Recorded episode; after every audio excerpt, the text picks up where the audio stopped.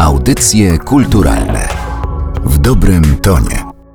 Rozpoczynamy kolejne spotkanie w audycjach kulturalnych, podcaście Narodowego Centrum Kultury. Ja się nazywam Aleksandra Galant. Dzisiaj wybierzemy się w przyszłość, jednocześnie mocno zostając w teraźniejszości, bo żeby przenieść się nieco ponad 100 lat wstecz, wystarczy wybrać się na warszawskie bulwary wiślane, gdzie można oglądać wystawę Wisła zaklęta w pocztówkach. Znajduje się ona dokładnie na bulwarze generała Pattona na wysokości Muzeum nad Wisłą i barki Przystań Nowa Fala. To są takie wielkoformatowe wydruki przedwojennych pocztówek, ale oprócz tego, że one są same w sobie ciekawe, to niezwykle ciekawi są ludzie, dzięki którym ta wystawa powstała, bo należą oni m.in. do Stowarzyszenia Filokartystów Warszawiana. Filokartyści zajmują się zbieraniem, kolekcjonowaniem pocztówek, ale czy jedynie? To o tym powie pan Piotr Glegoła, wiceprzewodniczący Mazowieckiej Okręgowej Izby Architektów, należący właśnie do Stowarzyszenia Filokartystów Warszawiana, architekt i współtwórca tejże wystawy. Bardzo miło mi, że przyjął Pan zaproszenie i jest gościem audycji kulturalnych. Mi również. Dzień dobry Państwu, dzień dobry Pani. Z czego składa się ta wystawa? Bo to są takie bardzo duże wydruki starych pocztówek i co my na nich możemy zobaczyć? No, zostało wybrane sześć kart pocztowych, które przedstawiają widok bulwarów warszawskich z początku XX wieku. Kilka lat temu bulwary się zmieniły warszawskie. Wisła też dostała innego wymiaru. To jest takie popularne miejsce, gdzie można spędzić czas w tej chwili w Warszawie, ale nie wszyscy wiedzą, jak ta Wisła i bulwary wyglądały kiedyś, 100 lat temu. No i temu ma służyć, żeby spopularyzować też przy okazji zainteresowanie historią. Na tych starych pocztówkach my możemy zobaczyć czasy, kiedy z Wisły korzystano w zupełnie inny sposób. Możemy zobaczyć flisaków, możemy zobaczyć moment wyładowania pakunków. Taki moment, kiedy Wisła przede wszystkim była wykorzystywana przemysłowo, rzemieślniczo, nie służyła wyłącznie do rekreacji, tak jak dzisiaj to na bulwarach się dzieje. To było tak, że Warszawa była skomunikowana koleją z resztą Europy dopiero w połowie XIX wieku. Także Wisła wcześniej zwyczajowo była głównym środkiem transportu i przemieszczania się. Także to zwyczajowo to takie było miejsce. Także tam były nie tylko miejsca przeładunku różnych artykułów, różnych przedmiotów, ale też pełniła role rekreacyjne, a też związane no, z przemysłem Warszawy. I już z tego krótkiego fragmentu naszej rozmowy wydaje mi się, że wynika, że oglądanie, zbieranie i obserwowanie tego, co się dzieje na pocztówkach, pozwala odkryć i ocenić, jak zmieniał się świat. No, Warszawa w ciągu ostatnich stu lat zmieniła się nie do poznania, bo można powiedzieć, że ona ona zniknęła, została zrównana z ziemią, odrodziła się na nowo, obrała pewien kierunek rozwoju, co obserwujemy dzisiaj, ale to, co działo się tam 100 lat temu, pozwalają nam zobaczyć właśnie pocztówki. Pocztówka no, nie ma takiej długiej kariery w naszej cywilizacji, bo została wymyślona przez pocztę Cesarstwa Austro-Węgierskiego w październiku 1869 roku. No ale ona oczywiście, jak wszystkie takie nowinki, nie chciała się zbyt dobrze przyjąć, no bo list, który można było wszystko schować, napisać w kopercie, tutaj spełniał formę takiej kartki, z jednej strony z jakimś obrazkiem, nadrukiem, rysunkiem, a z drugiej no, pismem, treścią, którą mógł każdy przeczytać. Było to oczywiście tępione na początku bardzo i nikomu się nie podobało, ale powoli zaczęło zdobywać coraz większą popularność i rozwijało się to rozwijało, a w 1900 roku miała miejsce w Warszawie pierwsza wystawa kart pocztowych. Do tej pory bardzo różnie nazywano pocztówki, bo nazywano je tak z rosyjska odkrytkami, nazywano z niemiecka kartami czy korespondentkami. Natomiast w związku z tą wystawą warszawską ogłoszono konkurs. Konkurs na polską nazwę późniejszej pocztówki. Wystawa cieszyła się dużym bardzo wzięciem, bo zwiedziło ponad 16 tysięcy osób. Ponad 300 osób zgłosiło się, aby być autorem nowej nazwy dla tego przedmiotu, czy tego czegoś, co jeszcze nie miało wtedy takiej określonej polskiej nazwy. Nazwy były przeróżne, bardzo śmieszne. To mm, niby list, śmieciuszka, kartolist, jawka, nagopis, niedyskretka, nagłuska, odsłonka czy oglądka. Śmieciuszka jest wspaniała. Co ciekawe, wszystkie one są w formie żeńskiej taka kartka. Jeszcze było kilku słówka, wiadomostka, pisemko, zwiastunka, dopiśnica czy pośpieszka. Po długich debatach wybrano pięć pozycji. Liścik, listówka, otwartka, pisanka i pocztówka. Oczywiście, jak wiadomo, pocztówka wygrała. Otwarto kopertę z danymi niejakiej Marii z B, No i okazało się, że Maria z B jest po prostu znanym nam wszystkim Henrykiem Sienkiewiczem, który jest autorem tej nazwy do dzisiaj znanej pocztówka. Czyli pocztówka jesienią 1900 roku urodziła się za sprawą Henryka Sienkiewicza. Co takiego mają w sobie kartki, że ich zbieranie może przekuć się, przekształcić w tak ogromną pasję? Ja znalazłam taką informację, że pewien Brytyjczyk jest chyba rekordzistą i on w swoich zbiorach posiada ponad milion kart pocztowych. Przypuszczam, że kolekcje są i większe, i mniejsze, ale słyszałam też, że zdarza się niejednokrotnie, że zakup nowych egzemplarzy, czy jakichś takich unikatowych egzemplarzy potrafi skonsumować większość pensji. Większość albo też i dwie pensje. No to zależy też od pensji, oczywiście od pocztówki. Takie ładne, w dobrym stanie zachowane i bardzo rzadkie mogą kosztować 3-5 tysięcy złotych. To jest taka cena najbardziej unikatowych egzemplarzy. Bardzo dużo jest egzemplarzy, które no, na przykład widziałem raz tylko, tych najbardziej unikatowych, że one się pojawiają raz na 10-15 lat, albo przez cały okres zbierania pocztówek można ją zobaczyć raz, albo nigdy, albo tylko u kolegi, który również zbiera. Motywacje moich kolegów są przeróżne, no bo moda jest, czy była bardziej popularna w Niemczech i tam to taka jest aktywność bardziej emerycka w Warszawie, no raczej przoduje średnia wieku tak około 40. Jest rozpiętość wieku w górę też. Natomiast fascynujemy się tą Warszawą, której już w tej chwili nie ma. I można ją właśnie zobaczyć na kartach pocztowych. A jest czego szukać, no bo nie pamiętam w tej chwili, ile było w Warszawie, ale w całej Polsce wydawców pocztówek to było około 18, może 20 tysięcy wydawców. I każdy ileś egzemplarzy tych pocztówek wydał. To jest w tej chwili no, szacunkowe, niepoliczone. Nie wiadomo tak naprawdę, ile jest pocztówek na rynku. Pan powiedział o pocztówkach, które pojawiają się raz, które nawet kolekcjonerzy mogą zobaczyć tylko kilka razy w swojej karierze. Ja się zastanawiam zatem, jakie są najcenniejsze pocztówki, na przykład związane z Warszawą.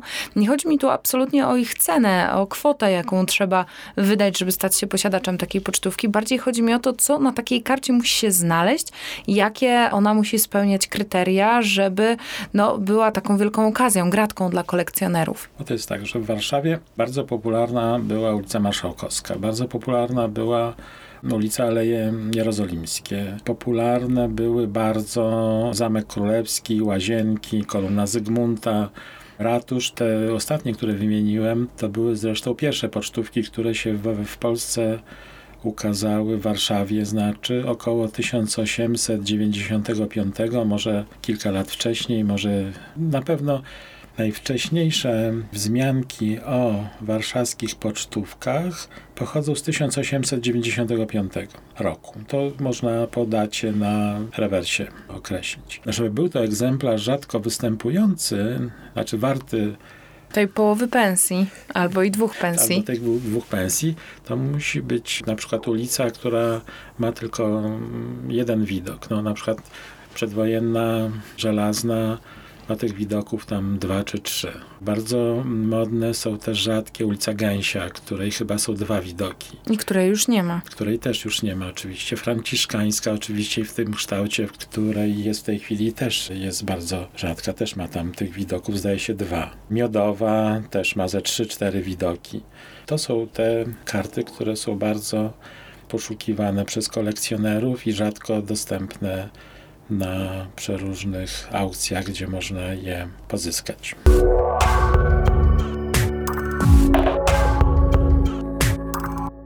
Ja się cały czas staram zrozumieć, jaki jest magnes pocztówek, jakich jest czar i urok. Wspominał pan, że one w jakiś sposób pomagają zrekonstruować taką architektoniczną przeszłość Warszawy. Zresztą nie tylko architektoniczną, ale też społeczną. Ale z jakiego powodu pocztówki, a nie na przykład stare zdjęcia, których miłośnicy i kolekcjonerzy także prężnie działają? To jest tak, że tych motywacji jest bardzo dużo, bo to jest tak, że jedni z kolegów zbierają określonego wydawcę który na przykład wydał 300 pocztówek i mają w swoich zasobach na przykład 280 i brakuje im tych 20 i czasami szukają ich przez 20 lat. To jest taka zabawa. No, są tacy, którzy zbierają tylko syrenkę, tacy, którzy zbierają plac zamkowy tylko, niektórzy zbierają wydawcami, inni zbierają widokami, inni ulicami Jeszcze inni zbierają tylko Wisłę, inni mosty.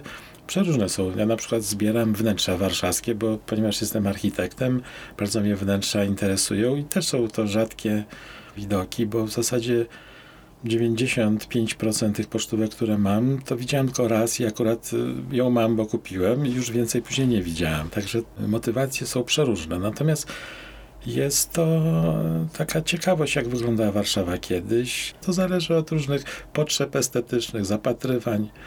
Ja myślę, że to są potrzeby intelektualne też, no potrzeby estetyczne. Spotykamy się raz na jakiś czas i jakby ktoś nas posłuchał, to by powiedział, że to jest no, takie zgrupowanie wariatów, bo potrafimy godzinami o tym opowiadać, fascynować się, że tutaj ktoś ma, się ma jakiegoś fajnego ślusarskiego, to wydawca, to, który jest bardzo rzadki i poszukiwany, a tutaj Chlebowski bardzo ładne wydanie, a tutaj takie w dobrym stanie, Brzepkowicz i tak dalej. Zwykle tak się posługujemy warszawskimi wydawcami, którzy wydawali pocztówki. Bardzo mnie pan zaintrygował tymi wnętrzami na pocztówkach, bo kiedy myślę o pocztówkach, które widziałam, które kojarzę, no pomijam już te, które dzisiaj są dostępne, bo one już z tym walorem estetycznym, o którym pan wspomniał, raczej często niewiele mają wspólnego, no to jeżeli trafiały, trafiają się na nich wnętrza, to są to wnętrza muzeów, zamków, miejsc, z których możemy wysłać komuś pozdrowienia, bo tam jesteśmy na przykład na wakacjach. O takich wnętrzach pan mówi, czy też jakieś inne wnętrza się kiedyś na pocztówkach pocztówkach pojawiały? Mnie to najbardziej interesują wnętrza restauracji, kawiarni, barów, hoteli. Ponieważ to było tak, no, że był bar,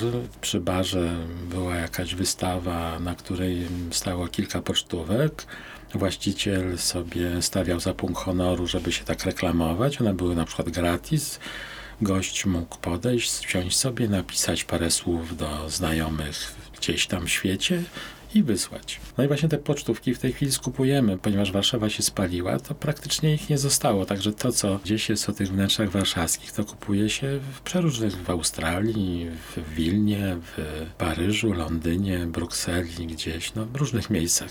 W Warszawie rzadko. Ma pan jakąś kartę, która jest dla pana szczególnie ważna, jest taką perłą w koronie tej kolekcji? Lubię pocztówki związane z takim projektantem polskim, który projektował jamę michalikową, wnętrza. Profesora Karola Frycza. Bo mało kto wie, że w Warszawie takich wnętrz były trzy. Były wnętrza hotelu angielskiego, nieistniejącego przy Wielżbowej, były wnętrza restauracji Gastronomia i wnętrza winiarni Simonistecki. I one przez Frycza były projektowane. W hotelu angielskim były projektowane cudnie, bo razem z meblami pięknymi, giętymi. Także tutaj no niestety nie ma tego. Można to zobaczyć i podziwiać między innymi tylko na pocztówkach, które się ukazały. Wisła zaklęta w pocztówkach to jest oczywiście przede wszystkim e, wystawa, na której podziwiamy wielkoformatowe wydruki pocztówek. To jest też szansa, żeby zobaczyć dawną Warszawę razem z jej dawną architekturą. Architektura jest bardzo ważnym elementem poszukiwań filokartystów, ale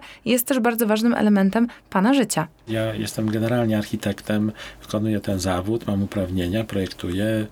Izba Architektów przy współpracy z miastem postanowiła promować takie widoki, ponieważ no, to jest nasz cel statutowy Izby Architektów, żeby promować architekturę, przestrzeń, edukować. Także dlatego, żeśmy się w to zaangażowali, żeby no, pokazać warszawiakom troszeczkę tej Warszawy, której już nie ma, o którą warto dbać, mm. warto podnosić jej jakość.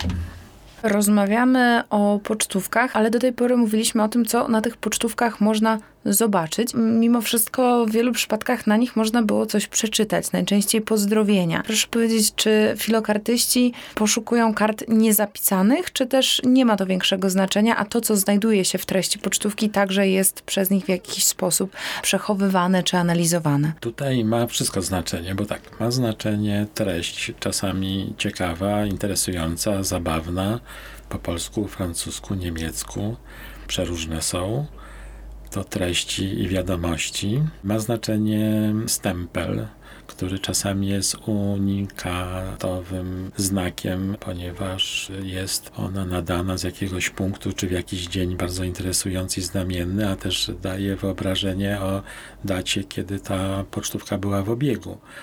Oczywiście też znaczek tutaj jest interesujący, bo mamy rozpiętość od 1895 do roku 1939. Ja na przykład zbieram przedwojenne tylko, znaczy przed 39, także tutaj też te znaczki też mają jakieś znaczenie. Najciekawsze, przynajmniej dla mnie, jest- jest to, co można zobaczyć na awersie pocztówki, czyli zdjęcie lub rysunek. No raczej jest to zdjęcie, ale rewers też jest interesujący czasami. To na koniec poproszę pana o wskazówkę, czy też podpowiedź dla osób, które chciałyby rozpocząć swoją przygodę z kolekcjonowaniem pocztówek. Być może mają w tym jakieś doświadczenie, ale raczej niewielkie i może takie bardziej amatorskie. Jak się zacząć tym zajmować? O jakich miejscach warto pamiętać? Gdzie tych pocztówek poszukiwać? Z kim rozmawiać? No przede wszystkim trzeba zacząć interesować się historią, bo to jest tak, że teraz jest o tyle prościej, że są mm, w internecie na mapie Warszawy takie nakładki, które pokazują, jak Warszawa wyglądała kiedyś. Co kilka lat, zdaje się, jest taka możliwość zobaczenia mapy Warszawy. Można zobaczyć na portalach aukcyjnych ogólnie znanych w dziale Warszawa, wyszukać przeróżne widoki, mniej lub bardziej znane. Na początek można się zacząć interesować, co na tych zdjęciach jest, co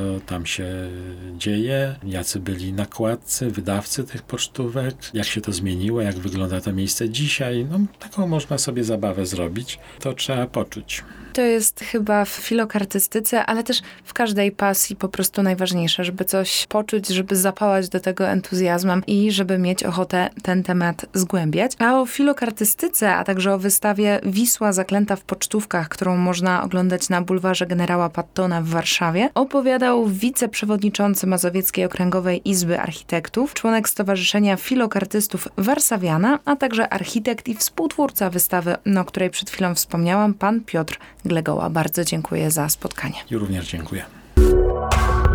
Audycje kulturalne w dobrym tonie.